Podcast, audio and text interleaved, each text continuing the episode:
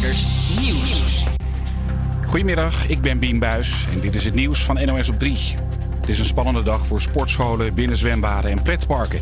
Want rond deze tijd hakt het kabinet een knoop door over versoepelingen. Die waren al aangekondigd. Er was nog een optie om op de pauzeknop te drukken, maar dat is waarschijnlijk niet nodig, zegt verslaggever Roel Bolsius. Daar lijkt het uh, niet op. De cijfers ontwikkelen zich uh, dusdanig goed dat waarschijnlijk het uh, kabinet straks bekend maakt dat de versoepelingen kunnen doorgaan. En vanaf woensdag zouden dan sportscholen en pretparken weer open gaan. Mag je ook als je boven de 27 bent weer met je team buiten sporten.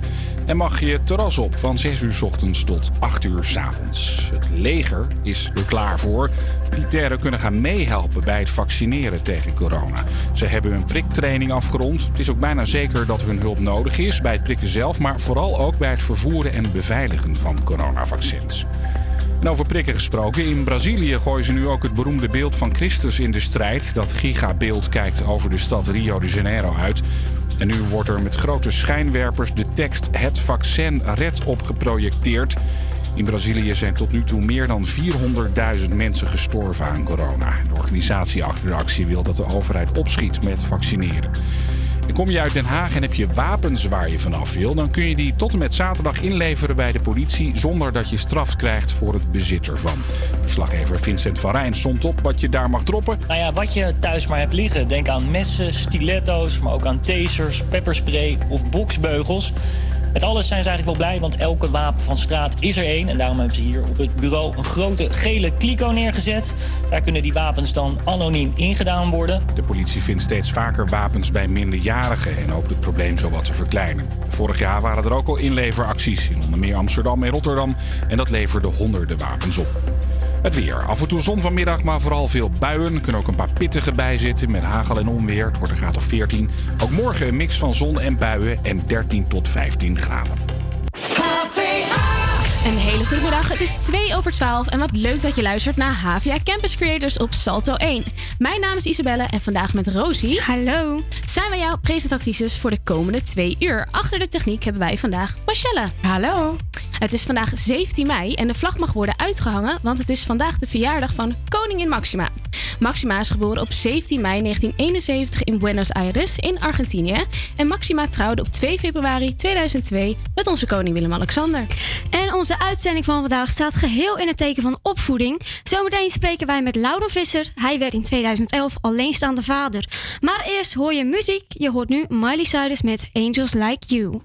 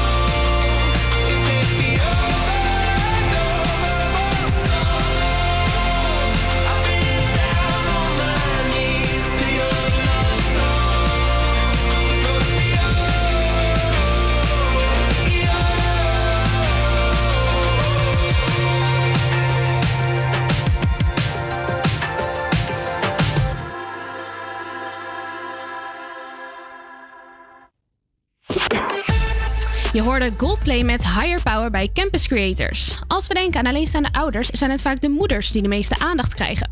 Laure Visser werd in 2011 alleenstaande vader. Hij heeft één dochter en hij heeft het platform Alleenstaande Vader. Eén vader is meer dan 100 schoolmeesters opgericht. Met zijn blogs vertegenwoordigt hij andere alleenstaande vaders. Hi Laura, wat goed je even aan de telefoon te hebben. Goedemiddag. Hi, goedemiddag. Leuk dat ik er ben. Ja, hartstikke leuk dat je er bent, inderdaad. Hey, ehm, wat was voor jou de doorslaggevende factor om een platform op te zetten voor alleenstaande vaders? Ja, dat was eigenlijk heel simpel. Die was er nog niet. Ik had er eigenlijk zelf behoefte aan. Dus ik was op zoek gegaan. En er, er was nog niks. Dus toen dacht ik van nou ja, dan eh, laat mij dan maar de eerste zijn. En vanuit waar kwam de behoefte eh, van jou om een platform eh, op, te, op te zetten? In mijn omgeving ken ik eigenlijk geen alleenstaande vaders. En nou, ik was wel benieuwd zeg maar, hoe andere mannen daarmee omgingen met het vaderschap. Ja, en... En- ehm, ja, sorry. Ja, nee, zodoende eh, ben ik dus op zoek gegaan eigenlijk. Kon ik niks vinden, dus ben ik zelf wat gestart. En de behoefte die was, die was eigenlijk best wel groot. Dus het verbaast me ook dat er niemand was die eerder was. En waaraan merkte je dat de behoefte heel groot was? Eh, gewoon direct heel veel reacties. En, en ook gewoon andere alleenstaande vaders die net als ik gewoon op zoek waren. Die mij benaderd hebben van, goh, kun je me hiermee helpen? Kun je me daarmee helpen? Wat, wat, wat goed dat jij je verhaal deelt. Mag ik mijn verhaal ook delen? Ja, ja. En wat is jouw verhaal? Zou je daar een klein stukje over willen vertellen? Ehm, nou de, de, de moeder van mijn dochter, die, eh, die is, dat is een drugsgebruiker. Dus die kon op een gegeven moment kon die gewoon niet meer zorgen voor onze dochter. Mhm, En ja, in het verleden zelf ook veel drugs gebruikt. mhm. Op een gegeven moment eh, eh, waren we een multiprobleemgezin. En toen stond ik gewoon voor de keuze van goh, of er gaat nu wat veranderen of, of ik ben mijn dochter straks kwijt. Ja. Dus toen heb ik het gewoon over andere boeg gegooid en nou, wat betere keuzes gemaakt. Mhm. En toen al vrij snel ook met volledige voogdij van mijn dochter gekregen van de rechter. Ja. Nou, Ja. is- is- is zodoende. Dat is in, in het heel kort mijn verhaal. Ja, het is eh, waarschijnlijk inderdaad een, een, lang, een lang verhaal. Eh, mooi dat je daarmee ook andere alleenstaande vaders kan helpen. Hey, ehm, de website heeft een naam, Alleenstaande Vader. Eén vader is meer dan 100 schoolmeesters. Hoe is deze naam ontstaan? Eh, nou, eigenlijk heel simpel. Het is niet eens mijn eigen zin. Het is, het is een zin van, van een bekend iemand. Ik durf niet eens zijn naam te noemen, ik weet het zo niet meer. Eh, ik, ik ben gewoon op zoek gegaan naar, naar, naar wat inspirerende quotes. En ik kwam deze tegen. Dat vond ik wel een hele mooie. Ja, en ehm, wat vond jij het moeilijkste aan alleenstaande ouder zijn? Eh, nou, niet zo heel erg veel. Eh, ik, heb een, ik heb een dochter, dus, dus de vrouwendingen eh, eh, die zijn gewoon lastig, want daar heb ik zelf geen ervaring mee. Nee. Eh, verder vond ik het gewoon hartstikke leuk. Eh, nog steeds eigenlijk. Vind, ik het nog, vind ik het hartstikke leuk gewoon om ouder te zijn. Mhm. Dus dan, ik denk dat je dan ook minder moeite daarmee hebt. Maar dat zeg ik alleen de vrouwendingen. Dat, eh, Ja, hoe ben je daarmee mee. omgegaan? Met het menstrueren of voor het eerst verliefd worden? Voor het eerst een gebroken hart hebben? Ehm, nou, ik heb nu een, een hele lieve vrouw die dat allemaal oppakt, gelukkig. Mhm. Dus, dus die heeft dat soort problemen allemaal le- lekker getackeld. en da- daarvoor, eh, ik, heb, ik heb gewoon vrouwen in mijn omgeving natuurlijk. Ik heb een zus, ik heb een moeder, ik heb tantes. Dus, Genoeg hulp eh, van andere, buitenaf. vri- andere vriendinnen, ja. En ehm, wat is het grootste taboe volgens jou dat er heerst op, op alleen uitstaande vaderschap? Ehm, nou, ik denk toch wel dat het een troep in huis is, dat alles mag. Eh, ja, een beetje, beetje chaos in de huishouding, zeg maar. Mhm. Dat idee. Maar dat is dus niet zo bij jouw geval, neem ik aan. Nee, nee, totaal niet. En met heel veel andere alleenstaande vaders is dat ook absoluut niet aan de orde. Maar dat is toch een ja, dat is, ja, het is niet niks een taboe. Nee. En ehm, nou, zoals je net al vertelde, eh, ben je inmiddels geen alleenstaande vader meer. Ehm, hoe Nee, ging je dochter daarmee om dat je een nieuwe relatie kreeg? Eh, nou, eigenlijk heel erg goed. Ja, ik denk ook, eh, kijk, als, de- als de relatie gewoon goed zit, dan ziet ze natuurlijk ook aan, aan haar vader dat het goed zit en dat hij er ook beter van wordt. Eh, ook zou ik niet snel een, een vriendin slash vrouw kiezen natuurlijk, die niet goed met kinderen overweg kan. Nee. Dus dat, eh, nee, dat is vrij natuurlijk gewoon, gewoon gegaan. Dat gaat hartstikke goed. Ja, en ik zag trouwens ook op de website dat je een, een Facebook erbij had. Ja, klopt. Ehm, kan je daar iets meer over vertellen? Eh, nou ja, ik, ik heb een achtergrond in de marketing, dus een Facebookpagina en een website die gaan dan hand in hand zeg met elkaar. Mhm. En op Facebook is het dan, eh, dan iets meer de community. Er zijn ook andere vaders die dat, eh, die dat ook in beheer hebben. Ja. Met meerdere alleenstaande vaders. Mhm. En ja, wat kan ik er verder eigenlijk over zeggen? Dat is eigenlijk het platform waarop er onderling gecommuniceerd wordt. Hey, Er komen best wel de laatste jaren veel vragen vanuit de media. Dus dan, eh, dat, nou, dat soort dingen worden ook allemaal op dat platform gecommuniceerd. Mhm.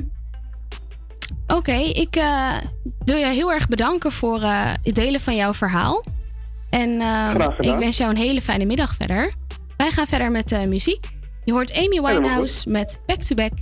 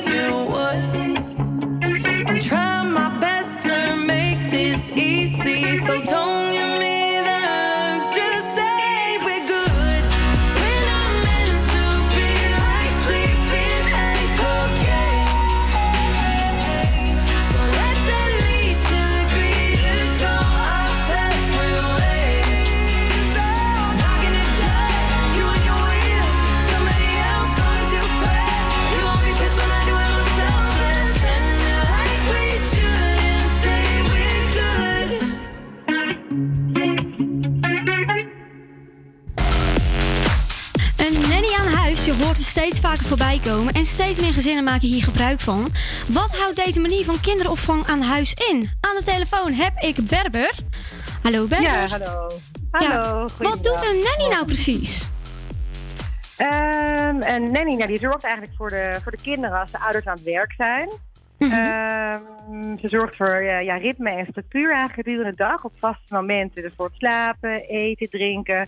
En verder heeft ze heel veel vrijheid om eh, activiteiten met de kinderen te plannen, zowel in huis als buiten. Ja, en eh, wat voor verschillende soorten nannies zijn er dan? Eh, nou, we hebben een aantal verschillende soorten nannies. Eh, de belangrijkste voor ons is de family nanny. En die, die- ja, de family nanny is eigenlijk een nanny die zorgt voor de kinderen gedurende een aantal vaste dagen per week. Ehm, verder hebben we ook nog een vakantienanny. Die gaat mee op vakanties met gezinnen. En nog een special nanny. Dat is meer een nanny die voor de huwelijken of feestjes de, de opvang van de kinderen verzorgt. Ja, en zijn die nannies er dan de hele week of een paar dagen? Of waar, waar moet ik dan aan denken? Eh, nou, vaak eh, hebben ouders bijvoorbeeld ja, gemiddeld tussen de 1 en de, en de 5 dagen eh, opvang per week. Dus echt als ze aan het werk zijn. Ja. En ze hebben echt een contract met een nanny, bijvoorbeeld voor twee dagen per week. En dan die twee dagen per week zorgen ze altijd voor de kinderen. En wat voor mensen zijn dat dan wat we nannies nemen? Zijn, zijn dat zeg maar welvarende gezinnen of ook gewoon normale gezinnen met een normaal inkomen? Nou, weet je, het valt onder de wet kinderopvang. Eh, dat betekent eigenlijk dat de ouders ook recht hebben op kinderopvangtoeslag als een nanny voor een gezin werkt. Mhm. Dus ehm, het is helemaal niet voor, eh, voor welgestelde gezinnen. Het is echt voor iedereen. Eh, de voorwaarde is wel dat allebei de ouders moeten werken of studeren. Wil je in aanmerking komen voor die kinderopvangtoeslag? Dus de overheid betaalt eigenlijk mee aan de kinderopvang op die manier. Ja. En hoe word je nou een nanny? Ja, nou als je, als je een ehm, eh, nanny is heel divers. Het is echt van, ja, vanaf 20 zeg maar, tot 65. Je moet wel een pedagogisch diploma hebben. Eh, dat kan mbo of hbo zijn. Ehm, en ervaring met kinderen moet je hebben. Dat kan heel breed zijn. Ehm, verder moet je gewoon Nederlands spreken. En nou ja, als, je, als je aan die eisen voldoet, dan zorgen wij nog dat je een EBO-diploma krijgt voor kinderen. Ehm, eh, en dan kan je, ja, als, je, als er een match met een gezin is, kan je bij het gezin aan het werk gaan. Ja. En eh, hoe helpt een nanny nou mee in de opvoeding? Want je zei al, eh, ze gaan dan activiteiten met ze doen. Maar doen ze ook echt iets zeg maar, aan de opvoeding van het kind? Zeg maar een beetje de, de rol van de ouders? Hallo? Hallo? In samenwerking met de ouders. En dat betekent eigenlijk dat ze bepaalde normen en waarden aan de kinderen bijbrengt. eh, bepaalde regels met ze naleeft. En verder helpt ze ook met dingen zoals bijvoorbeeld kindjes vriendelijk krijgen. Ehm, als ze bijvoorbeeld ja, rond de twee of drie jaar zijn. eh, maar ook zorgen voor een goed slaapritme en een goed voedingsritme. eh, het helpen van sociale vaardigheden.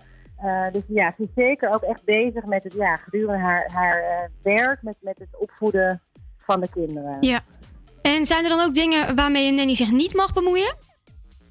Ehm, nou, wat wij wel dat zeggen van je bent ook bij een gezin thuis. eh, dus ja, je, je, je, je, de privacy van een gezin is wel heel belangrijk. Dat je die Ja. in ieder geval waarborgt. En dat je daar zorgvuldig mee omgaat. Dus je hoort natuurlijk allemaal dingen als je bij mensen thuis bent. En ook privézaken. En ja, als nanny moet je daar wel zorgvuldig mee omgaan. Ja. En wat zijn nou eh, de voor- en nadelen van een nanny aan huis?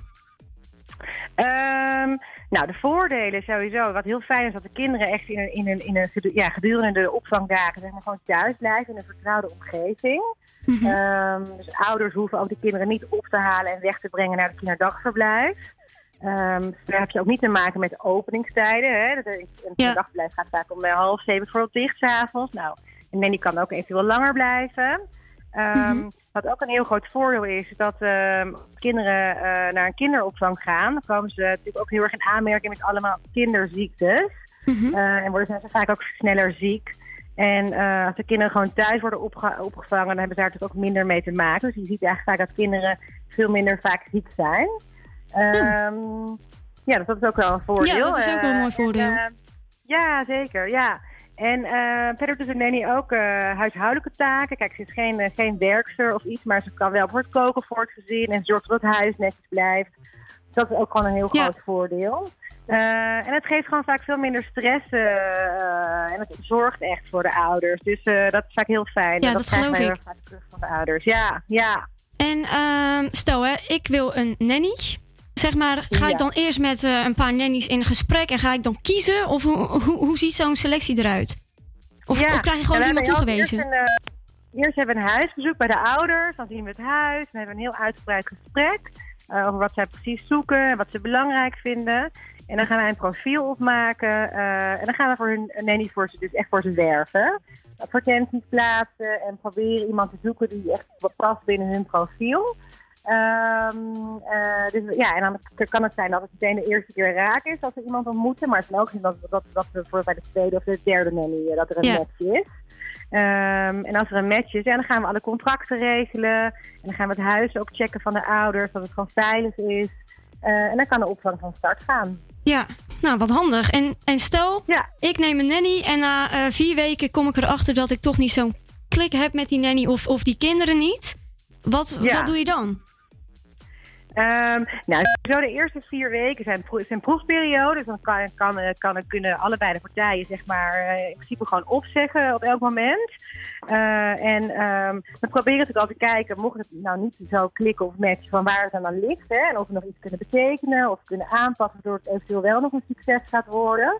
Ehm, en als het eigenlijk dat niet zo is en niet lijkt te werken, ja, dan, dan gaan we gewoon een nieuwe nanny voor een gezin zoeken weer. Dus eh, eh, dat is een beetje hoe het werkt. Maar dat komt eigenlijk bijna niet voor, eh, moet ik zeggen. Dus over het algemeen, als, ja, je hebt ook vaak eerst een proefdagje, hè, waarin je ook met het gezin een keer gaat meelopen.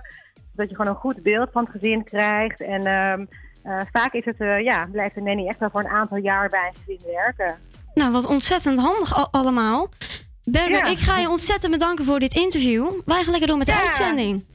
Oké, hartstikke goed. Succes. Dankjewel. Doeg. Dag.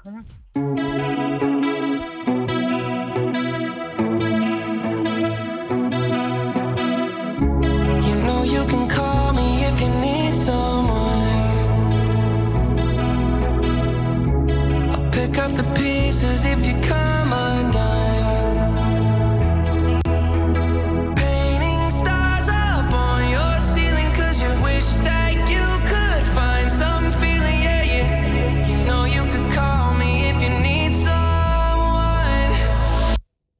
I need you to hold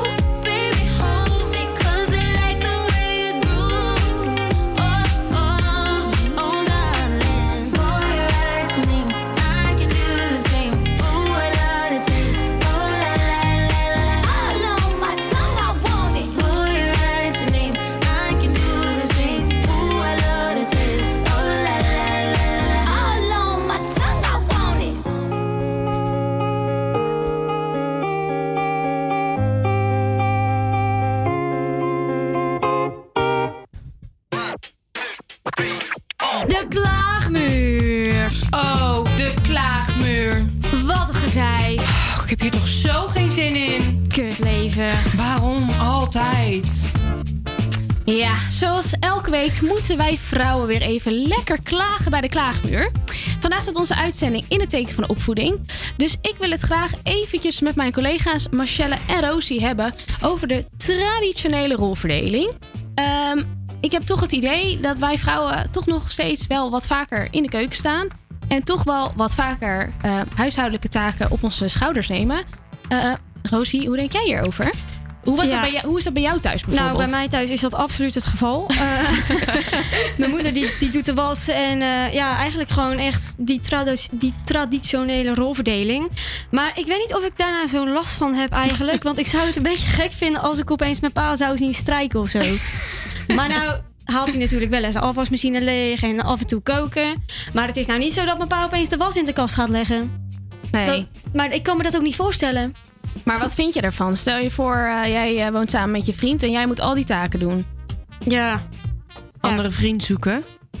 Ja, ik, ja, ik, ik weet het niet.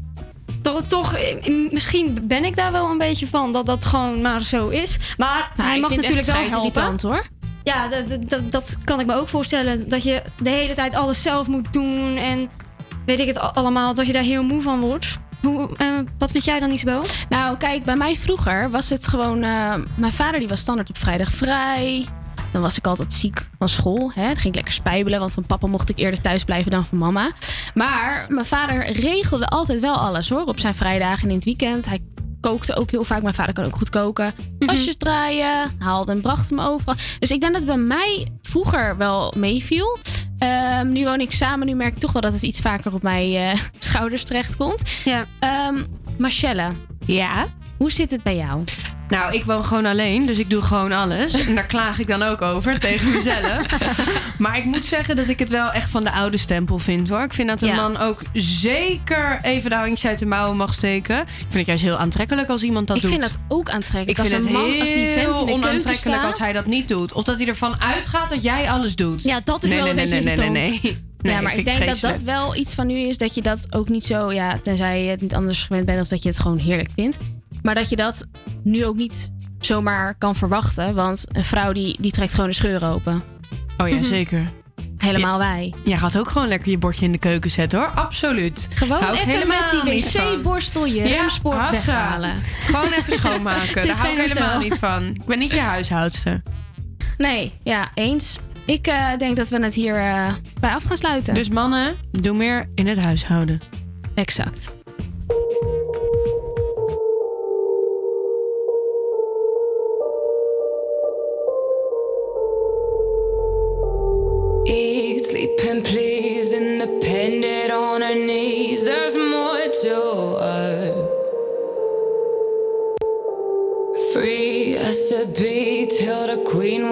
Disagree.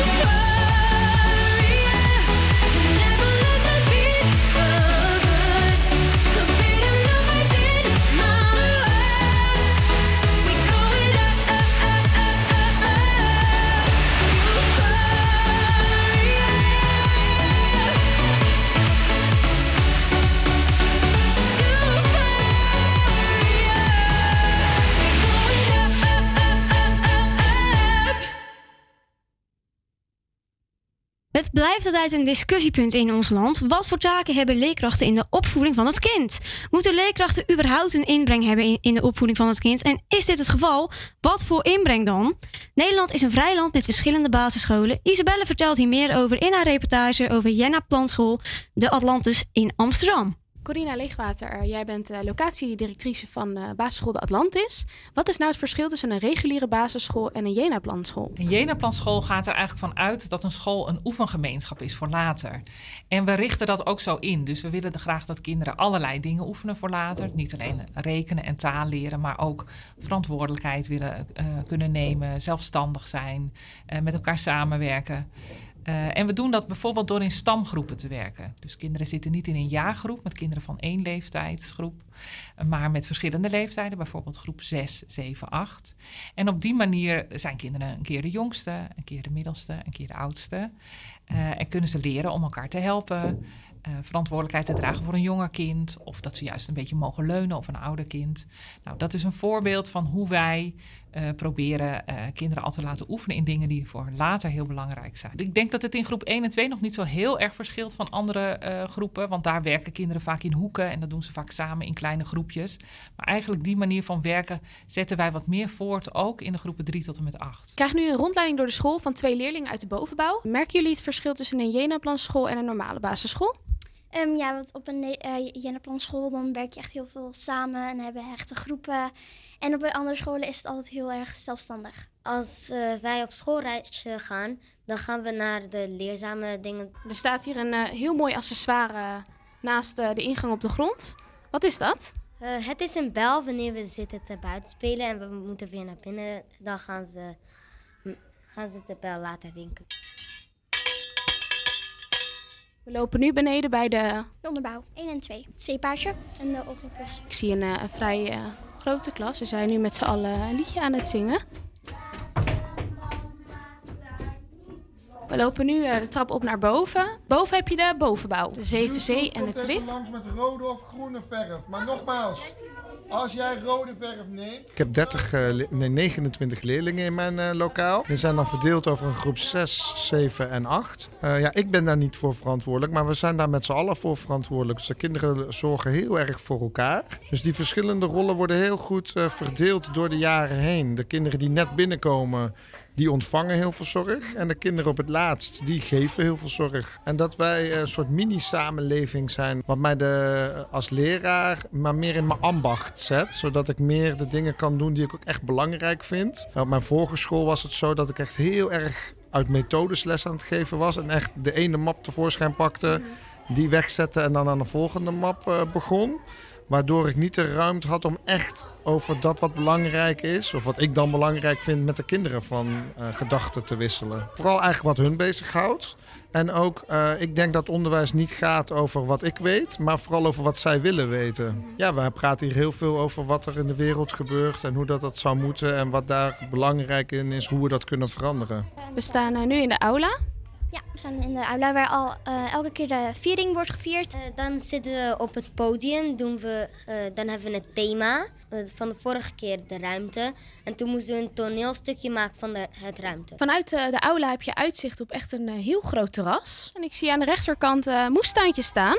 Die hebben we zelf gekweekt. We hadden eh, zonnebloemen geplant en tuinkers. De groep hier is nu buiten aan het knutselen.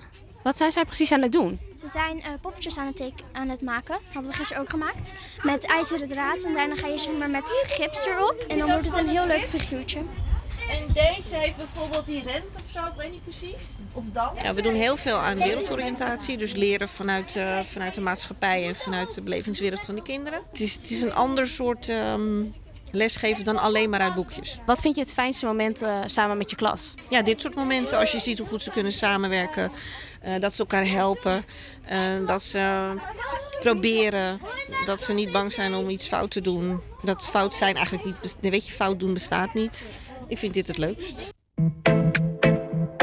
First cross. I want master right you now. Early in the morning. Your lips, your ass, your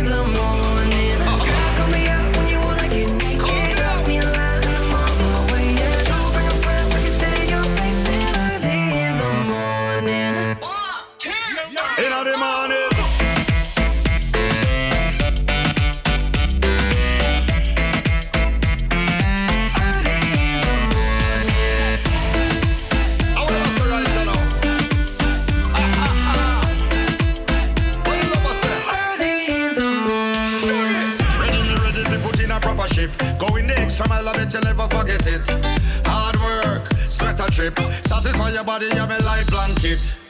Come when I'm calling. What you need is right here, darling. All night till the morning. Keep you out on the window when the rain is falling.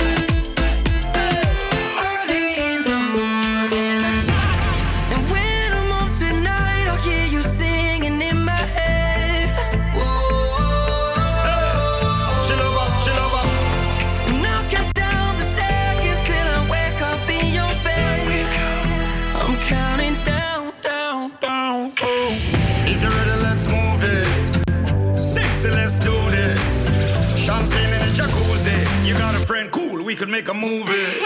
Girl, call me up when you wanna get naked.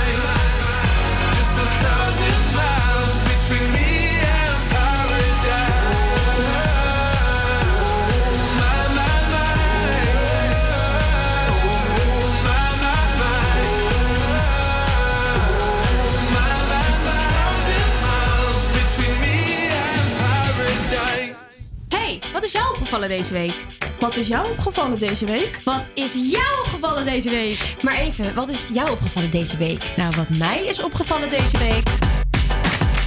In onze wekelijkse rubriek Street Talk blikken we even terug op de dingetjes die ons zijn opgevallen afgelopen week. Om te beginnen met koningin Maxima. Zoals we in het begin van de uitzending al vertelden vandaag, is zij vandaag jarig. En zij krijgt vanaf vandaag een eigen postzegel. Onze koningin is vandaag 50 lente jong geworden. En dus komt PostNL met een velletje Maxima-zegels. En eh, bijzonder is dat er ook bij deze postzegel een privéfoto bij zit. Die foto is in 1999 gemaakt in New York. In het jaar dat Willem-Alexander en Maxika, Maxika pardon, Maxima elkaar hebben ontmoet. Ja, wat leuk. En het kabinet zet de tweede stap in het openingsplan op woensdag 19 mei. En dat betekent ook dat veel mensen weer vakanties beginnen te boeken. Zo kan je bijvoorbeeld naar Duitsland, Frankrijk, Griekenland, Italië, Kroatië, Oostenrijk, Spanje en Turkije. Ja, hebben jullie eigenlijk al een vakantie geboekt? Hele mond vol. Ja, ik ga volgende maand. Waar ik ga je kan heen? niet wachten. Ik ga naar Ibiza. Volgende maand al? Ja, 25. Ja, En- en, 25 juni. Denk je dan ook dat er feesten zijn en dat soort dingen? Nou, ik hoorde ehm, in de wandelgangen dat ze de grote feesten gaan verplaatsen naar het strand. Ik durf niet met zekerheid zeggen of dat ook echt zo is. Ja, wat Ehm, geweldig. Ja, Ushuaia en zo is natuurlijk al buiten. Eh, momenteel hebben ze, hebben ze volgens mij nog wel een avondklok tot 11 uur. Eh, maar ik ben al blij als dat er af is. Ja, snap ik. En jij, Nou, Marcelle? vakantie is toch heerlijk. Nou, ik heb dus nog eh, wat vakanties in Nederland gepland staan, eigenlijk. Oké, Dus en waar als ik dan? zou gaan, dan eh, wordt het een last minute ergens naartoe. Ja. Nou jongens, ik ga lekker naar Pach, naar eh, Kroatië. Als, Oh, ja, ik ben heel benieuwd of alles open is. Want dat is dus eigenlijk gewoon al, alleen maar eh, festivals, beachparties, poolparties en dat soort dingen. dat Dus, helemaal niet. Hoe lang ja, ga je? Nee, het, het is ook niet zo heel bekend onder de Nederlanders. Ehm, ja, een, een week. Oh, lekker. Ja, echt heel erg leuk. Hey, hebben jullie afgelopen zaterdag gekeken naar Make Up Your Mind? Nee, sorry. Nee? Nee, ik heb het ook, ook niet gezien. Ik, ik moet het nog Wat terugkijken, erg, maar ik jullie vind het gemist. Nou ja, afgelopen zaterdag zijn acht bekende Nederlandse mannen met behulp van eh, make-up artiesten omgetoverd tot drag queens. En die namen het tegen elkaar op in een playback show en een catwalk ronde. En vervolgens moest er dan een panel bestaande uit Fred van Leer en Cilia Rompli tegen Ruben Nicolai en Nicky Tutorials de identiteit van de BN'ers raden. Nou, Oh, wat geweldig. Ja, geweldig. Ik heb echt gegierd op de bank. Ik ga dat wel even terugkijken Ja, ik, ik dan. moet het ook zien. Nou, dat is echt een aanrader. Dan zal ik nog niet spoilen. Of weten jullie dat al? Wie er heeft meegedaan? Nee. Ik wist het dus echt niet. Sommige wist ik echt meteen. De eerste, die pikte ik er zo uit. Maar die laatste, nee, nee. zeg nee, maar, je, je herkende ze niet met de make-up op.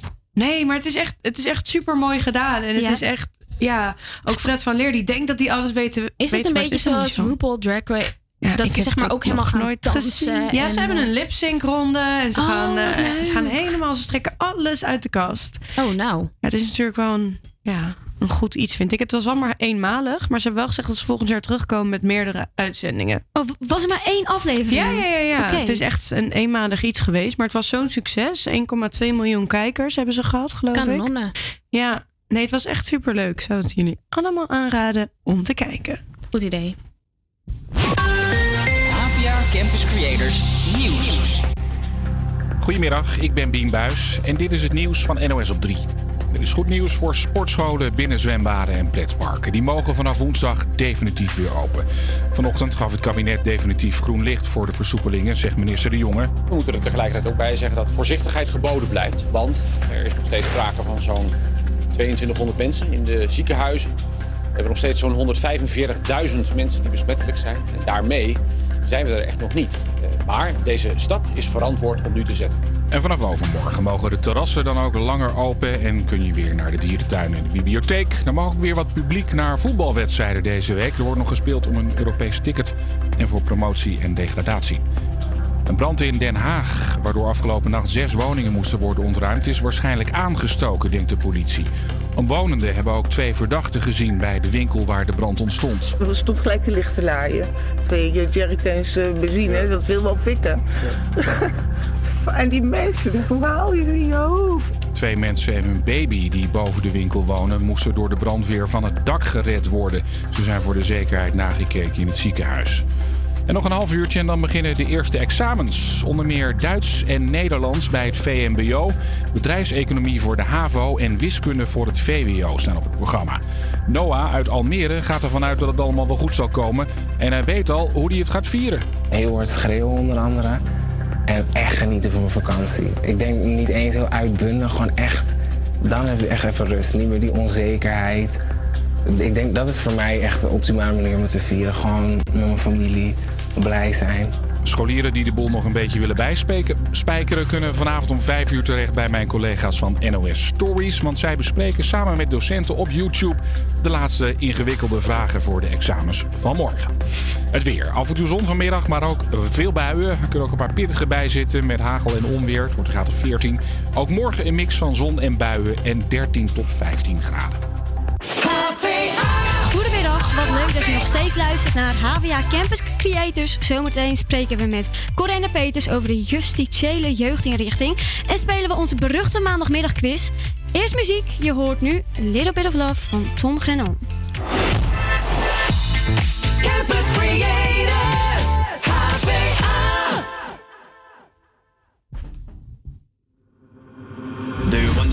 That put to sea. The name of the ship was a Billy of Tea. The winds blew up her bow, up down oh, below my bully boys blow. Seen her been two weeks from shore and down on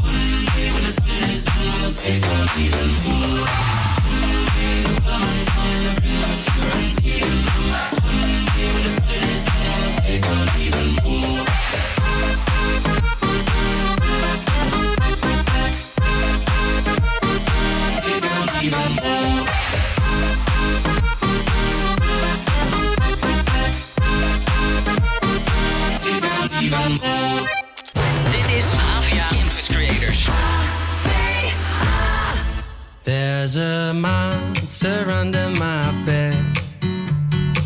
We pillow talking. Oh, how I long to be its friend. But I don't wanna end up in that same place again.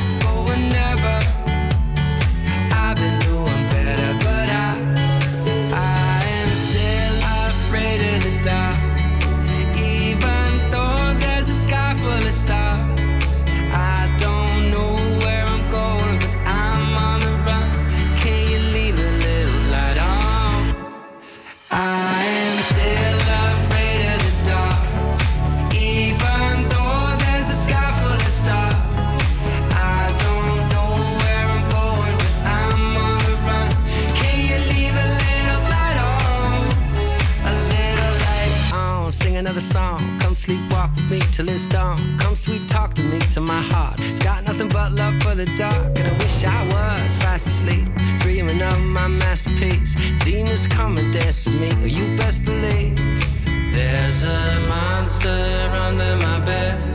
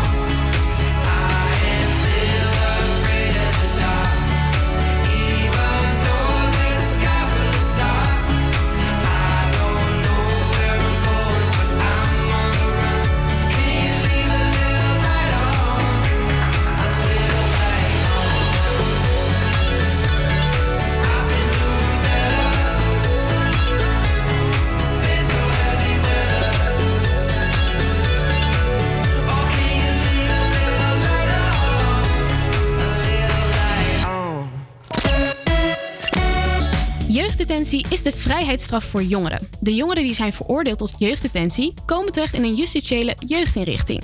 Hier leren ze onder andere te resocialiseren om weer deel te kunnen nemen aan de maatschappij. Aan de telefoon heb ik Corinne Peters, pedagogisch directeur van Rijksjustitiële Jeugdinrichting in Nederland. Wat goed je aan de lijn te hebben. Hi. Hi, goedemiddag. Hi. Hi. Wat is het verschil tussen een jeugdgevangenis en een gevangenis voor volwassenen?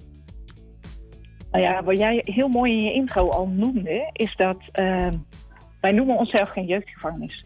Wij noemen onszelf een justitiële jeugdinrichting.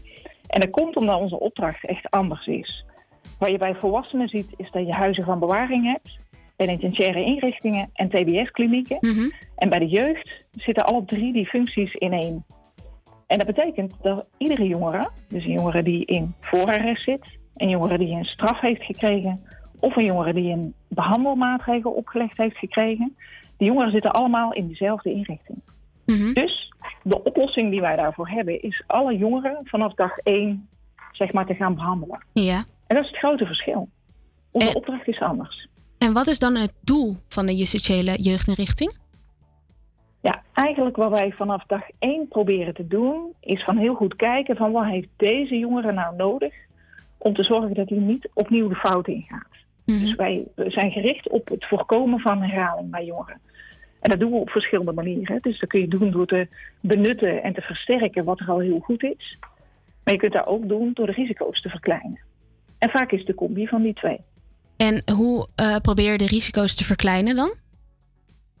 Nou, dat kunnen heel veel verschillende dingen zijn. Hè? Dus bijvoorbeeld als in het geval van een jongere eh, zijn ADHD een rol heeft gespeeld in de delicten die hij pleegde, omdat hij heel impulsief is, dus te weinig nadenkt over zijn keuzes, kan bijvoorbeeld medicatie eh, een manier zijn om het risico te beperken. Maar je zou ook een training kunnen doen waarin je hem leert dat hij eerst na moet denken voordat hij doet. Ja.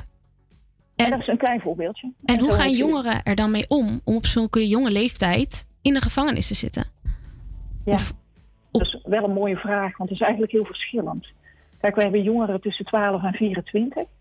En je kunt je voorstellen dat het voor een, een jonge jongen, hè, dus een jongen van 12 of 13, ehm, die bij ons in de inrichting komt voor de eerste keer, dat het anders is als voor een jongere die eh 18 is en al een keertje eerder eh, in de inrichting heeft gebleven. Ja. Maar wat ik van de meeste jongens weet, hoe stoer eh, ze vaak ook reageren. Ja, iedereen mist zijn vrijheid, iedereen mist eh, zijn thuis, iedereen mist het kunnen gaan en staan waar je wil. Ja. Want eh, je bent wel echt je vrijheid kwijt. Ja, ja. Ehm, je praat vooral over eh, jongens. Zijn er ook Ja. meisjes in de inrichting? Ook weer een hele goede vraag, want ik betrapte mezelf erop dat ik jongens zei. Dat komt omdat het grootste deel van onze populatie zijn jongens. Ja. Maar we hebben ook twee groepen van meisjes. Oké, maar hoe kan het dan dat het grootste deel toch bestaat uit jongens? Heeft dat dan te maken met ehm, de opvoeding bijvoorbeeld die ze hebben gekregen vanuit huis? Of Ja, er zijn best wel veel verschillende theorieën over. Wat je in het algemeen ziet, grofweg, is dat jongens makkelijker problemen krijgen met hun omgeving als het niet goed met ze gaat. En meisjes trekken over het algemeen eh, makkelijker de problemen naar binnen toe. Dus die worden eerder depressief eh, of die vertonen eerder angst of stemmingsproblemen. Ehm, ja, en jongeren krijgen makkelijk last eh, met politie en justitie. Ja. En ehm, wat voor jongeren zitten er dan precies in de jeugdinrichting? Wat voor delicten eh, hebben zij gepleegd? Mag je daar niks over zeggen? Ja, op zich, in algemeenheden kan ik daar altijd iets over zeggen. Wat je ziet is dat, eh, zeg maar, de range tussen eh straatroven, ja, moord, verkrachting, seksueel misbruik van jonge kinderen, alles in die hoek komt bij ons. Komt bij elkaar. Oké. Ja, ik vind het eh, best wel heftig om te horen eigenlijk. Omdat je er toch wel in het dagelijks leven niet zo heel erg eh, bij stilstaat. Ehm, Maar wat voor rol, ik vroeg het net eigenlijk al, hè, dat was ehm, het verschil tussen jongen en meisjes. Ehm, maar Ja. wat voor rol speelt de opvoeding die de jongeren eh, mee hebben gekregen vanuit huis eh, mee met het feit dat ze dus in een justitiële jeugdinrichting zijn beland? Ja, nou, dat is een mooie vraag, omdat dat een discussie is die eigenlijk al eeuwen oud is. Vroeger noemden ze, noemden ze die discussie het nature-nurture debat. Dus is het meer aanleg of is het meer opvoeding? Ja. Ehm, ja, en ik denk dat het vaak een combi is van beide. Eh, en dan opvoeding in de breedste zin van het woord. Want soms eh, is er best sprake van een, van een warm gezin. Ja. Eh, maar is het de omgeving waar een jongere opgroeit? Of het feit dat hij op school heel erg buiten de boot viel en niet gesnapt werd door zijn leraren? Ehm, het zijn wel jongeren met altijd die soort ingewikkeldheden in de voorgeschiedenis.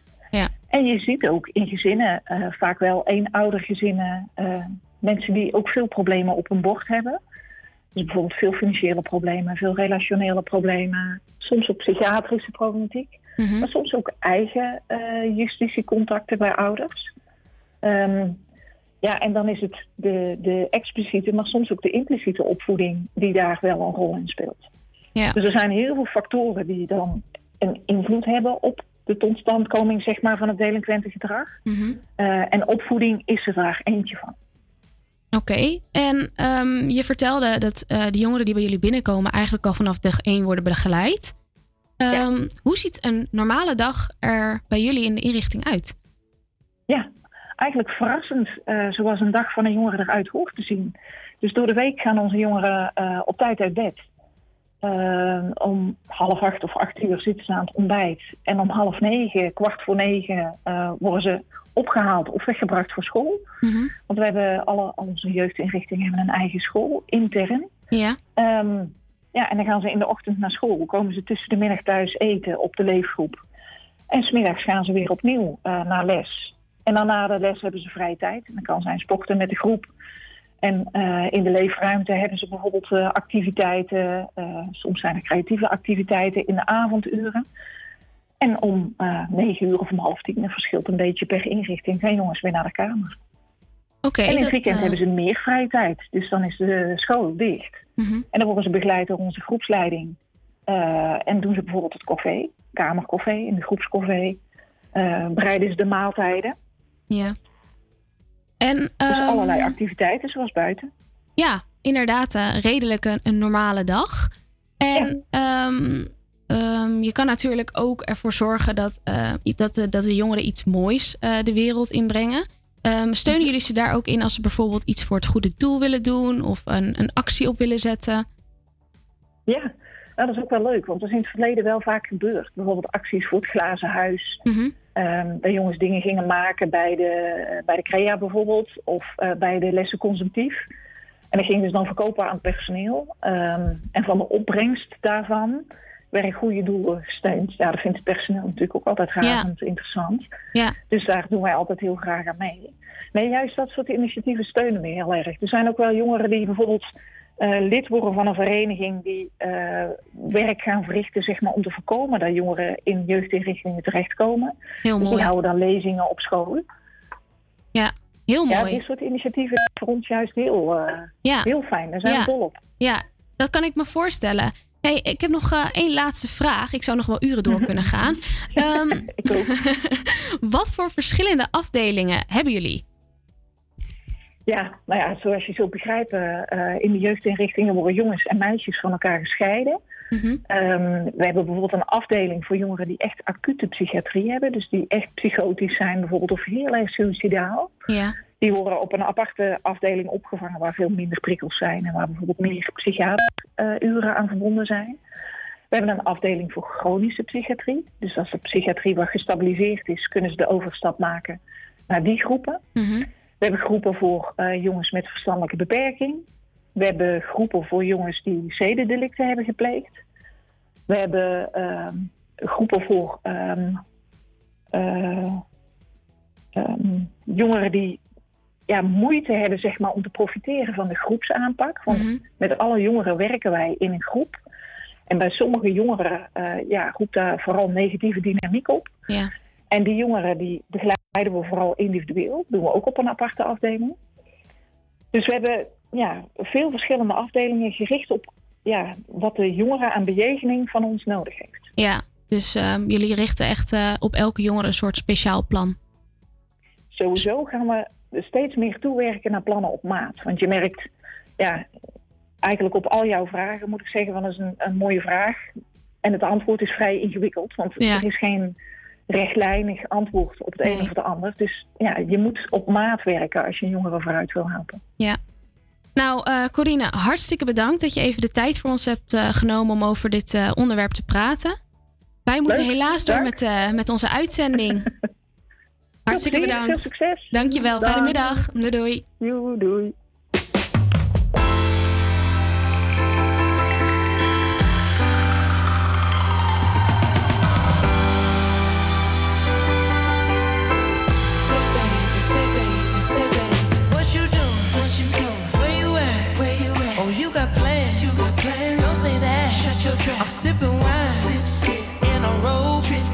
Look too good. Look too good to be alone.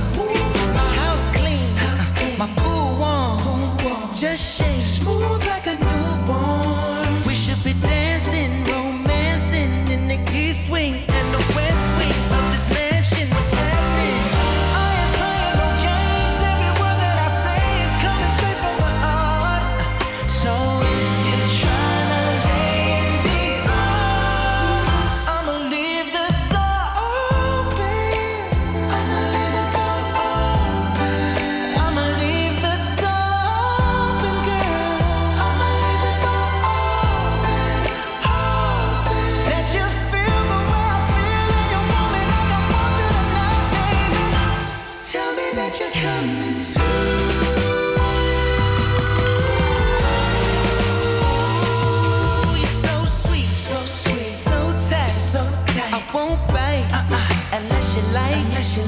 If you smoke, what you smoke? I got the haze,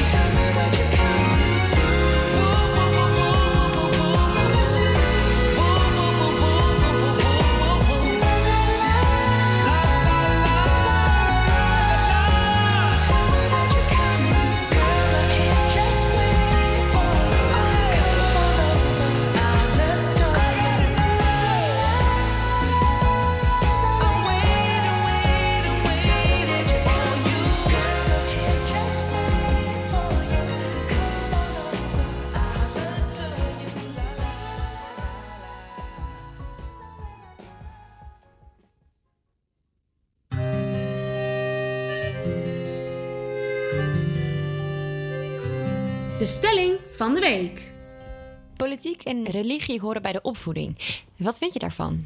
Ik ben het daar half mee eens. Ehm, ik denk dat dat in de meeste gevallen wel zo is. Maar ik denk dat je politiek en religie ook buiten je opvoeding kunt leren. En dat dat ook zeker niet verkeerd is. Eh, ja, daar ben ik het wel mee eens. En waarom? Nou, ieder kind of ieder eh, gezinslid eh, is een individu. Dus ik vind het heel belangrijk dat er open gesproken wordt over eh, het geloof. Maar niet dat het wordt overgebracht. Dat moet je eigenlijk zelf eh, bedenken. En de politiek vind ik heel belangrijk omdat je daar dagelijks mee te maken hebt. Ook als je straks groot wordt, dan is het zeker van belang dat wat voor jou belangrijk is. eh, qua eh, werk, inkomen, eh, opleiding, school, omgeving, levenssituatie. Dat je daar eh, heel duidelijk eh, je eigen lijn in trekt. Politiek en religie horen bij de opvoeding.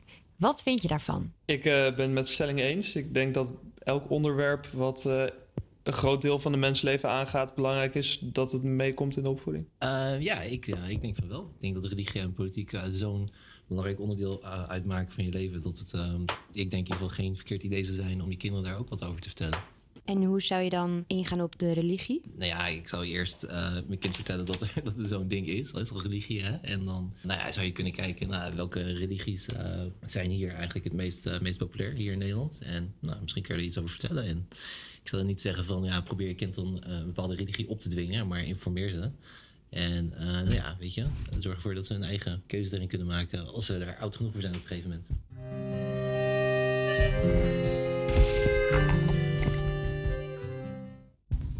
Wat is jou opgevallen deze week? Wat is jou opgevallen? Politiek en religie horen bij de opvoeding. Ja, hoe staat het bij jou, eh, Rosie? Nou, ik ben dus katholiek. Maar het is nou niet zo dat ik... eh, ja, ik weet het niet. Het, het is nou niet zo dat ik volledig eh, met de kerk erin geloof en dat soort dingen. Maar met kerst dan gaan we naar de kerk. Ik ben gedoopt, ik heb de communie gedaan en het vormsel. En eh, ja, dat is het eigenlijk wel. Maar het, het is, ja, hoort het bij de opvoeding? Nou, ik denk het misschien, ja... Ik weet het niet. Ik ben, ik ben er niet zo mee bezig. Het verschilt ook wel een beetje per gezin, toch? Ja. Ja, ja dat denk ik ook wel. Ja, en ik denk dat het bij ons zit het heel erg eh, in het dorp. Dus dat iedereen die wo- wordt eigenlijk gedoopt en doet de communie en het vormsel.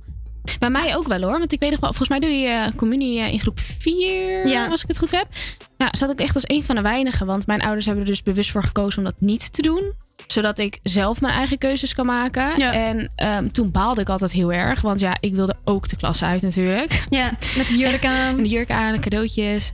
Ehm, maar ja, achteraf ben ik er eigenlijk ook best wel, best wel blij mee. Ja, het is inderdaad ook denk ik maar hoe net hoe je bent opgevoed. Maar ja, ik, ik denk daar ook niet zo over na. Ik, daar- ik ben vrij nuchter persoon ook.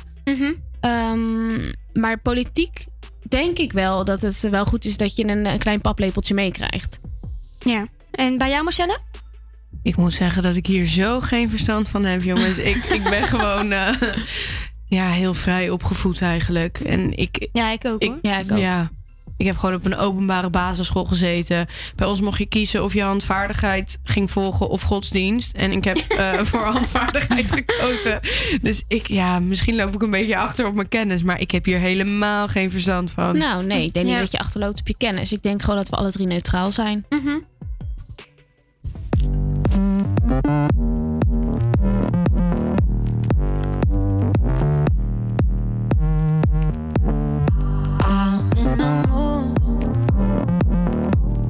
I'm still tasting you. Pacing around for days.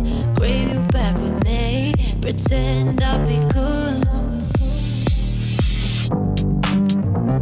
Give me silence, silence. Just need your touch.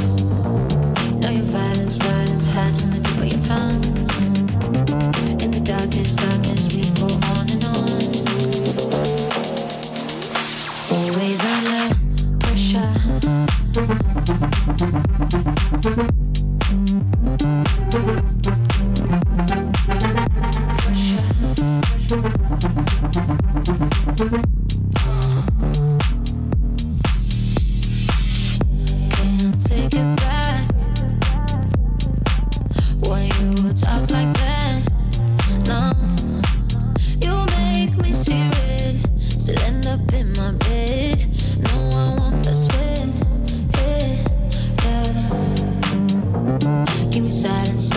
I just need your touch.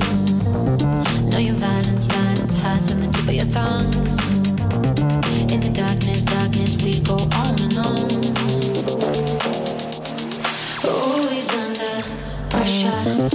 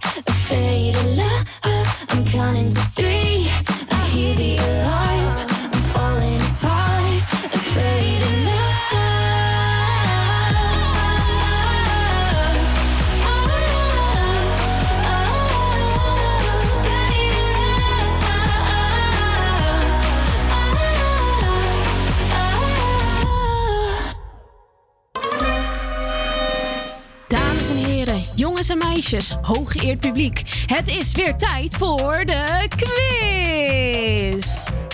Ja, het is weer tijd om de kennis van onze luisteraars te testen. Aan de telefoon heb ik... Angelique Kroon. Hi Angelique, wat leuk dat je er bent. Vertel, wie ben je, wat doe je en wat is jouw leukste herinnering uit je jeugd? Mijn naam is Angelique Kroon en eh, ik kom uit Volendam. Ik ben onderneemster. Ik run samen met mijn man een schildersbedrijf hier op Volendam. En eh, mijn leukste herinnering is, is uit mijn jeugd. Ja, eigenlijk alle vakanties die we gedaan hebben. Oh, ik vind dat een heel mooi antwoord. Ik kijk er ook onwijs naar uit om weer lekker op vakantie te gaan. Ehm, Nou, we dat gaan wil ik graag eh, geloven. de quiz spelen. We gaan beginnen met de eerste vraag. Ben je er klaar voor? Jazeker. Oké, wat is de gemiddelde leeftijd dat kinderen voor het eerst zelfstandig achter de computer zitten? Is dat A, 2 jaar, B, 4 jaar of C, 5 jaar? Ik denk van B. Helemaal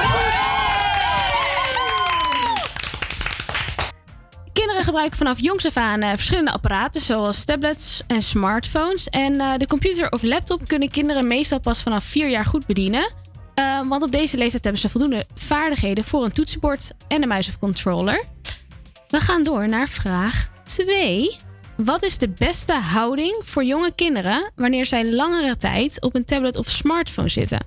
Is dat A. op de bank met de voeten plat op de grond? Is dat B. liggend op de buik? Of is dat C. zittend aan de keukentafel? Ik vermoed van A. Helaas, ja, helaas nee. Eh, regelmatige beweging is natuurlijk hartstikke goed, maar een, eh, een houding tijdens mediagebruik ook. Op de bank zitten, zitten kinderen eh, te ver voorover gebogen, waardoor dus te veel spanning op de nek- en de rugspieren komt. En de keukentafel is voor veel jongeren onhandig, omdat ze dan met hun arm helemaal geforceerd omhoog moeten houden. En als kinderen op hun buik op de tablet, op de smartphone liggen, dan staat er dus minder spanning op de nekspieren. Ja, ik had het ook niet gedacht eigenlijk. Dus Nee, ik, vind je, ik vind je gedachten niet zo heel gek. Nou, we Nee, gaan ik dacht alweer... eh, inderdaad... Ja? Ga maar ja, verder. nee, sorry, zeg maar. Nee, ik dacht inderdaad, de keukentafels, daar zijn ze nog te klein voor. Dus vandaar dat ik voor eh, antwoord A ging. Maar inderdaad, B had beter geweest. Maar Ja. goed, volgende Nou ja, vraag. het gaat goed, het gaat goed. Ehm, hoe lang kunnen jongeren tussen de 16 en de 17 jaar maximaal in de jeugddetentie zitten? Is dat 1, maximaal 1 jaar? 2, maximaal 2 jaar? Of 3, maximaal 3 jaar? Nou, ik ga toch weer, voor de middenweg. Ik kies B. Jeetje, wat een kennis. Wat een kennis. Wat een leuke quiz. nou, dankjewel. Je doet het ook hartstikke goed. Eh, jongeren die zijn veroordeeld tot uh, jeugddetentie komen dus in een justitiële jeugdinrichting, zoals je misschien net hebt gehoord. Eh, en dit kan maximaal twee jaar zijn voor jongeren tussen de 16 of 17 jaar. En voor jongeren tussen de 12 en de 15 jaar is dat maximaal één jaar. We gaan door naar de volgende vraag. En dat is...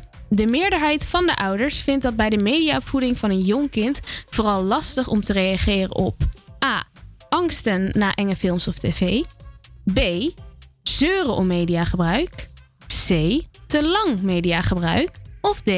Ongepast en stiekem gebruik van de media. Oei, dat is een lastige. Ik ga voor C. Ja! Nou ja.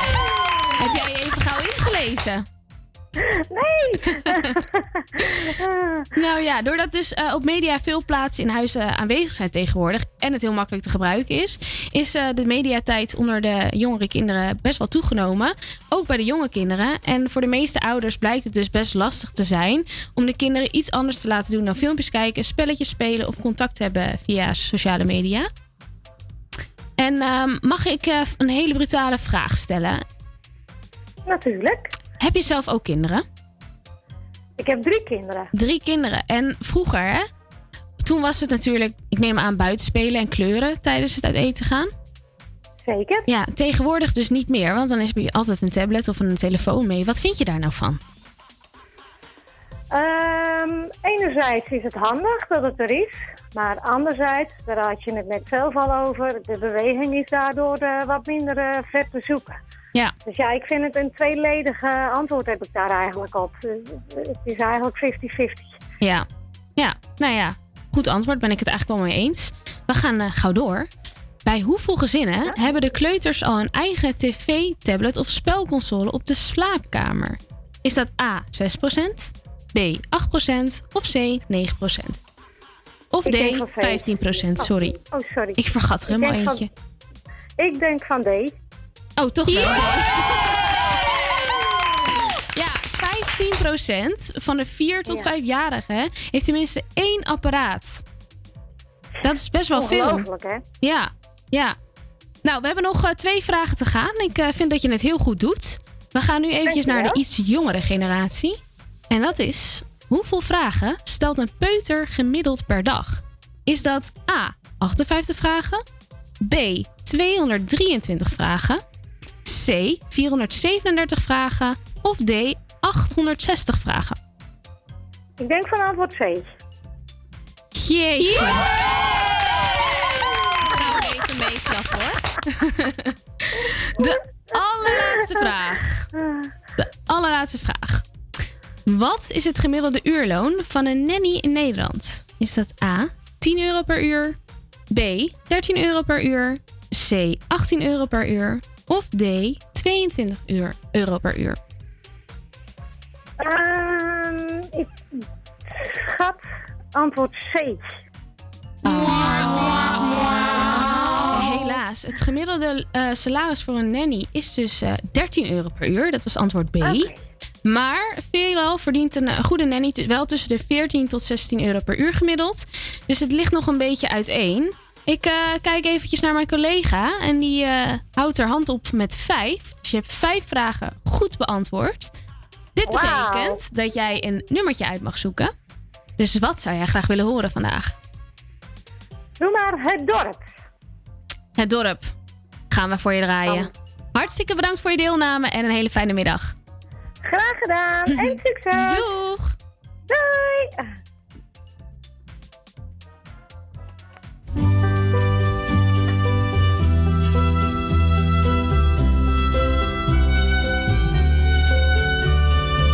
Thuis heb ik nog een aanzichtkaart waarop een kerk, een kar met paard, een slagerij, J. van der Ven.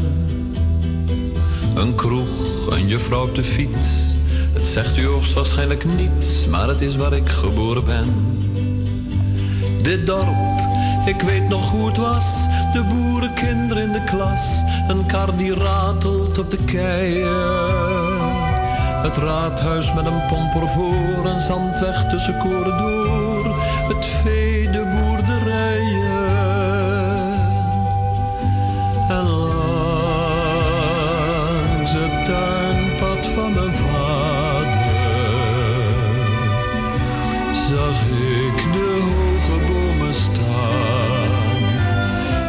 Was een kind en wist niet beter dan dat het nooit voorbij zou gaan. Wat leefde ze eenvoudig toen in simpele huizen tussen groen met boerenbloemen en een heg. Maar blijkbaar leefden ze verkeerd. Het dorp is gemoderniseerd en nou zijn ze op de goede weg. Want ziet hoe rijk het leven is. Ze zien de televisiequiz en wonen in betonnen dozen. Met flink veel glas dan kun je zien hoe of het bankstel staat bij Mien. En de dress waar met plastic rozen. En langs het tuinpad van mijn vader zag ik de bomen Ik was een kind en wist niet beter dan dat het nooit voorbij zou gaan. De dorpsjeugd klit wat bij elkaar in minirok en bietelhaar en joelt wat mee met beatmuziek. Ik weet wel, het is hun goede recht, de nieuwe tijd, net wat u zegt, maar het maakt me wat melancholiek. Ik heb hun vaders nog gekend, ze kochten zoet hout voor een cent. Ik zag hun moeders touwtjes springen. Dat dorp van toen het is voorbij, dit is al wat er bleef voor mij. Een aanzicht en herinneringen. Toen ik langs het tuinpad van mijn vader de hoge zag. Ik was een kind, hoe kon ik weten dat dat voorgoed voorbij zou gaan?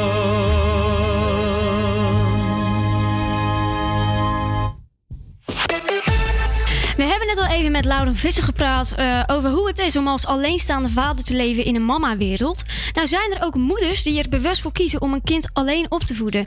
Barbara Lammert van Buren richt zich op vrouwen die bewust voor het alleenstaand ouderschap kiezen of daar geïnteresseerd in zijn door hen te coachen. Ook is ze zelf bewust alleenstaande moeder. Barbara, waarom de website Alleen met Kinderwens?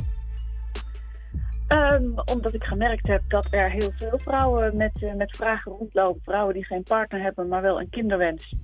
Eh, en eh, wel eens willen onder, nou ja, eh, en daar iets mee willen. Gaan onderzoeken, informatie zoeken, hulp zoeken. Van hoe ga ik hier een keuze in maken?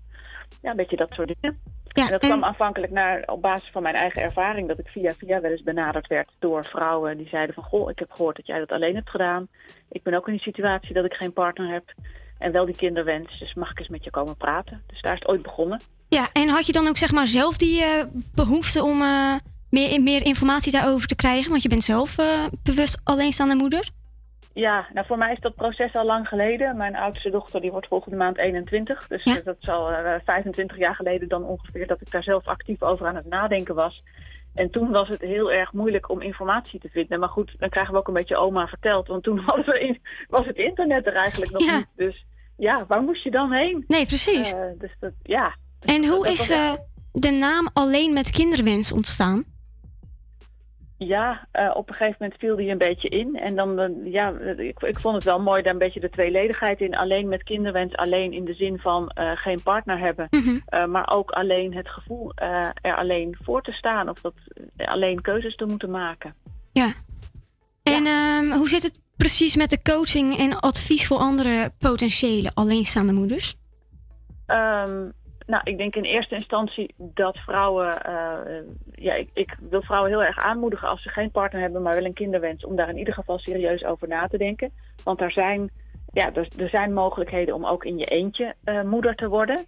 Ehm, Daar heb je in eerste instantie dan goede informatie voor nodig. Ehm, dus dus daar, daar begint het mee. En je hebt ook soms iemand nodig. Soms kan dat gewoon in je eigen omgeving, een vriendin, je moeder, eh, weet ik het wat zijn. Eh, maar soms kan het ook prettig zijn om daar een, een buitenstaander bij te hebben in de vorm van een coach bijvoorbeeld. eh, die al wat gaat bevragen van goh.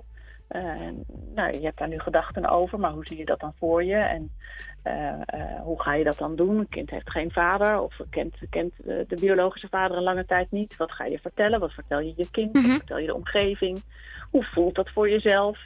Nou ja, weet je, het is een heel breed palet aan. Er zijn een aantal concrete dingen, maar ook heel veel dingen die je bij jezelf af moet gaan vragen. Van goh, hoe ga ik dat in mijn eentje doen? Kan ik dat een beetje? Ja. Ben ik goed voorbereid? Ja, En ehm, zeg maar de mensen die ehm, hier zeg maar, contact bij jou zoeken, zijn dat dan vrouwen die dit zeg maar, als een soort van laatste optie zien omdat ze geen partner kunnen vinden? Of zijn het ook gewoon vrouwen die geen behoefte hebben aan een partner en, en gewoon een kind willen? de, de meeste vrouwen die hebben eigenlijk al wel bedacht, eh, wel ooit bedacht dat ze dat met een partner zouden willen. En Ja. op een gegeven moment eh, ja, gaat dan de biologische klok zo hard tikken of die wens wordt zo prangend dat ze andere wegen gaan onderzoeken als die partner er niet is. En ik merk wel dat, want ik doe dit nu 15 jaar ongeveer. eh, en dan heb ik natuurlijk ook mijn eigen ervaring toen ik daarmee bezig was, dat, dat de, de leeftijd wel omlaag gaat. In die zin van toen ik bezig was om in mijn eentje uit te zoeken of ik dan een kind wilde krijgen. Ik was uiteindelijk 34 toen mijn eh, oudste dochter geboren is. En toen was ik echt heel jong in die wereld. Toen waren de meesten echt wel 40 of 42 plus. Ja. Ehm, en, ik, en ik zie nu wel vrouwen die bij, bij mij komen, zijn toch wel heel, heel vaak halverwege de 30 of soms begin, de begin 30. In die zin van, goh, weet je, ik hoef ook niet te wachten tot ik qua leeftijd of biologische klok helemaal met mijn rug tegen de muur sta. Maar ik kan er ook gewoon nu al over Ja. na gaan denken. Ja, precies. En dat moedig ik ook heel erg aan. Van weet je, ga er maar vast over denken. En je, hoeft, je bent echt niet morgen zwanger. Je hoeft ook niet nu de keus te maken. Ehm, maar neem de tijd om te wennen aan het idee. Om een beetje uit te zoeken wat daarbij komt kijken. Wat dat zou kunnen betekenen. Dat als je over een paar jaar nog steeds die partner niet gevonden hebt. Dat je dan ja, eh, wel de keuze kan gaan maken. En de stap kan gaan zetten. Omdat je goed voorbereid bent. Ja. En eh, u heeft ook twee boeken geschreven. Geen partner, wel een kinderwens en donor be- eh, bekend. Wat is je boodschap met deze twee boeken? Eh, nou, het, het eerste boek, eh, Geen partner, wel een kinderwens, is wat ik eigenlijk eerder al wel zei. Dat, dat vrouwen die een kinderwens hebben, maar geen partner. eh, ja, die wil, die wil ik laten zien van er zijn mogelijkheden. En tegelijkertijd ook van het feit dat de mogelijkheden er zijn. Hoeft niet te betekenen dat je dat ook gaat doen. Hè. Je moet ook de afweging maken van past dit bij mij? Is dit echt wat ik wil? En, maar ga er in ieder geval een bewuste keuze over maken. Dus onderzoek het. En nou ja, ook als de bewuste keuze is van ik ga het niet in mijn eentje doen, dat is, dat is prima. En eh, donor bekend, dat is eh, een beetje ontstaan. Ja, er zijn natuurlijk, eh, als je in je eentje een kind wil krijgen, heb je een, een, een spermadonor nodig. ehm, eh, om zwanger te kunnen worden. Dus dan kan, zou je naar een spermabank kunnen gaan. Daar zijn in Nederland best wel lange wachtlijsten.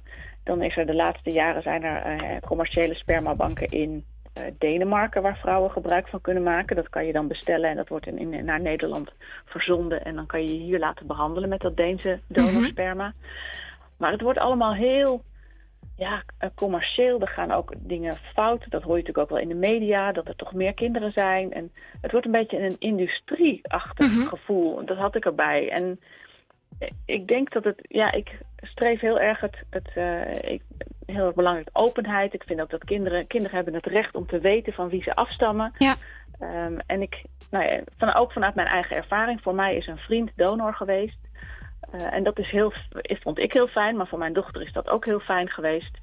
Dus dat, die mogelijkheid zou ik heel graag meer onder de aandacht willen brengen. Om- Omdat ik denk dat daar echt ehm, ja, voor veel vrouwen mogelijkheden liggen. En dan zeggen ze wel, ja, maar ik ken niemand. Maar als mensen niet weten dat je hiermee bezig bent... of dat je misschien iemand eh, zoekt eh, die jou kan helpen om zwanger te worden... dan hoor je dat ook niet zo. Terwijl op het moment dat je dat wel opengooit... blijken zich heel vaak toch wel mensen in de omgeving te zijn van... goh, ik wil daar best wel eens met je over praten of ik daar een rol in kan spelen. Mhm. En op dat moment is iemand donor voor jou, omdat, ja, om- omdat hij jou mag, omdat hij jou dat gunt, omdat hij vertrouwen heeft dat jij dat goed gaat doen. Eh, en dat is heel wat anders dan zo'n eh, commerciële uh, Ja. spermabank bijvoorbeeld. Ja, Dus wat een vandaar mooie boodschap. boek, want, wat zeg je? Wat een mooie boodschap. Ja, nou ja, want want, weet je, dan, het, het, het- ik, ik gun het dat het iets persoonlijks en iets warms is. En dat hoeft niet de grote liefde te zijn waar het kind uit voorkomt, maar iets van vriendschap of Ja. elkaar iets gunnen. Dat vind ik ook heel belangrijk. Want eh, uw eigen kind ziet eh, zij eigenlijk eh, haar biologische vader? Of... Ja, ja.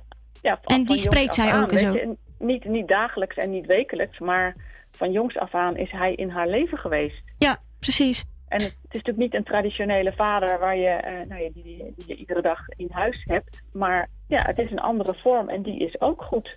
Ja. En eh, wanneer kwam bij u nou echt, zeg maar, eh, die ommekeer dat je dacht... ik ben nu klaar met het zoeken naar een partner, maar ik wil nu gewoon een kind? Dat je daar, zeg maar, naar ging zoeken? Nou, ik had, ik had altijd wel het beeld van mezelf dat ik moeder ging worden. Van minimaal vier kinderen had ik bedacht. Ehm, eh, toen, toen ik dertig was, toen ging er van alles wel spelen. Onder andere, nou ja, dat, ehm, dat mijn twee beste vriendinnen allebei een partner troffen, gingen trouwen en meteen kinderen kregen. En toen kwam dat wel heel erg dichtbij. Ja, snap ik. En toen, ja, toen ben ik een beetje, dat, en toen kwam ik een, eh, ja weet je, op een gegeven moment gaan de dingen ook een beetje lopen en met terugwerkende kracht krijgt dat dan betekenis. Dus ik ontmoette een eh, homoseksuele eh, collega met wie ik bevriend raakte en nou, daar hadden we het ook wel over kinderen krijgen. En op een gegeven moment hadden we eigenlijk bedacht dat we dat dan misschien wel samen konden doen in een beetje een co-ouderschapachtige constructie. Maar weet je, daar, dat is uiteindelijk op niks uitgelopen. Maar dan worden er wel dingen wakker of zo. Ja, bent- precies. Het onderwerp is heel concreet. En mensen in mijn omgeving wisten dat ik daar met hem over gesproken had. Dus toen dat uiteindelijk toch niet doorging, terwijl het een hele tijd wel naar uitzag dat wij dat gingen doen, was ik daar ook wel weer verdrietig over. En toen is eigenlijk het aanbod uit mijn omgeving gekomen van een vriend die zei van goh, dit plan gaat nu niet door, maar als jij het zo graag wil en dat, ik, ik gun het je heel erg, dan wil ik wel. Ja, er zijn eigenlijk gewoon meerdere wegen naar Rome, om het zo maar even te zeggen. Zeker, zeker. Maar daarvoor moet je op een gegeven moment ook wel weten dat dit speelt en dat je ermee bezig bent. Ja. Dus openheid hierin. En dat is natuurlijk best nog wel spannend. En dat snap ik ook. Dus daarom kan het fijn zijn om af en toe eens eh, ja, of daar iets over te lezen. Of Ja. in, een, eh, in een workshop een keer te doen. Of eh, een coach te hebben. Of, En eh, wat zou je zelf graag nog willen bereiken voor de alleenstaande moeders? De potentiële alleenstaande moeders? Nou, voor de potentiële alleenstaande moeders denk ik gewoon een beetje ook wat ik nu doe. Maar ik denk meer voor de, voor de potentiële aanstaande kinderen die hieruit geboren gaan Ja. worden. Dat ik daar wel heel erg voor. Nou, ik zou het ze allemaal zo gunnen dat ze inderdaad een, een, een donorvader, een biologische vader hebben die ze kunnen kennen. En dat ze een beetje geboren worden vanuit. Ja, van, wat ik al eerder zei, vanuit die pers- persoonlijke betrokkenheid. En niet vanuit een, een Deense online Nee, catalogus met de donoren die 200 kinderen all over the world Ja, ja, absoluut. dus ehm, ja, nou, ik ben sinds, eh, sinds een half jaar ben ik ook projectleider voor eh, het landelijk informatiepunt donorconceptie. En daar staat dat ook heel erg centraal. Eh, die, openheid. ehm, ja, eh, denk, denk aan dat kind en zorg dat je het voor dat kind goed regelt. En nu is het voor jou misschien de kortste weg om met drie muisklikken dat in Denemarken te gaan bestellen. Maar is dat over tien of twintig jaar voor jouw kind ook nog de beste keuze? En dat vraag ik me heel erg af. En Ja. daar hoop ik heel erg mee te gaan werken aan bewustwording. Dus eh, iedereen kan gaan kijken op eh, donorconceptie.nl. Dat is een hele mooie website Mhm. geworden. Ja, nou, dat vind ik een... Van eh, mijn eigen alleenstaand ouderschap, want dat geldt natuurlijk ook voor, eh, voor eh, lesbische koppels bijvoorbeeld. Of voor man-vrouw stellen van, ja, die met Ja, problemen te maken hebben. Ja. Nou, dat vind ik een ontzettend mooi antwoord om mee af te ronden. Barbara, ontzettend bedankt. Wij gaan door met de uitzending. Dankjewel. Oké, tot ziens. Dag. Dag.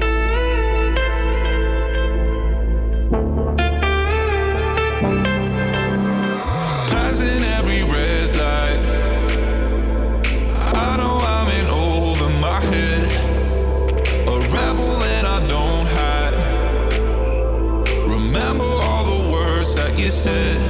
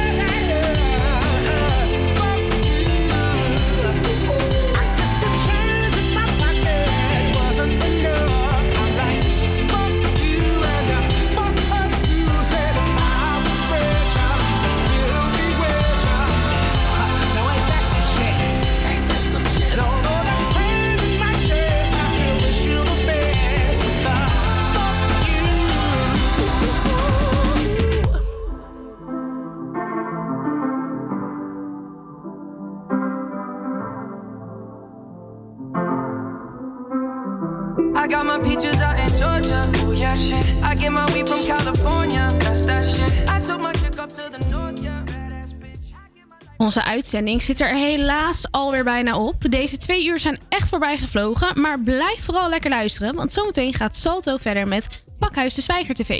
Volgende week maandag zijn wij er weer tussen 12 en 2. En dan zal onze uitzending geheel in het teken staan van de kunst.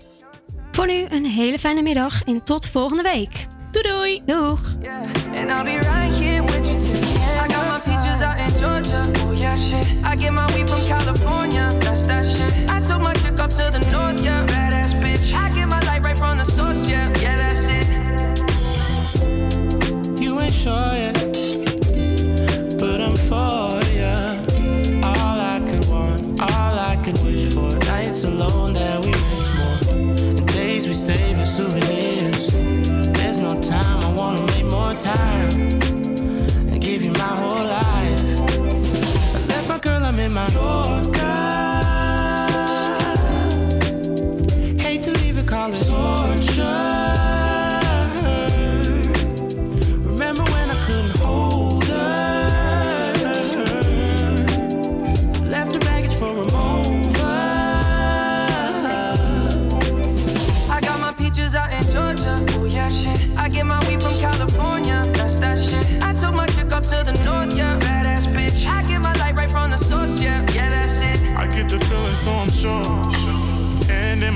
cause I'm yours. I can't, I can't pretend I can ignore you right from me. Don't think you wanna know just where I've been. Oh, don't be distracted. The one I need is right in my arms. Mine, and I'll be right here with you till the end. I got my peaches out in Georgia. Oh yeah, shit. I get my weed from California. That's that shit. I took my chick up to the north, yeah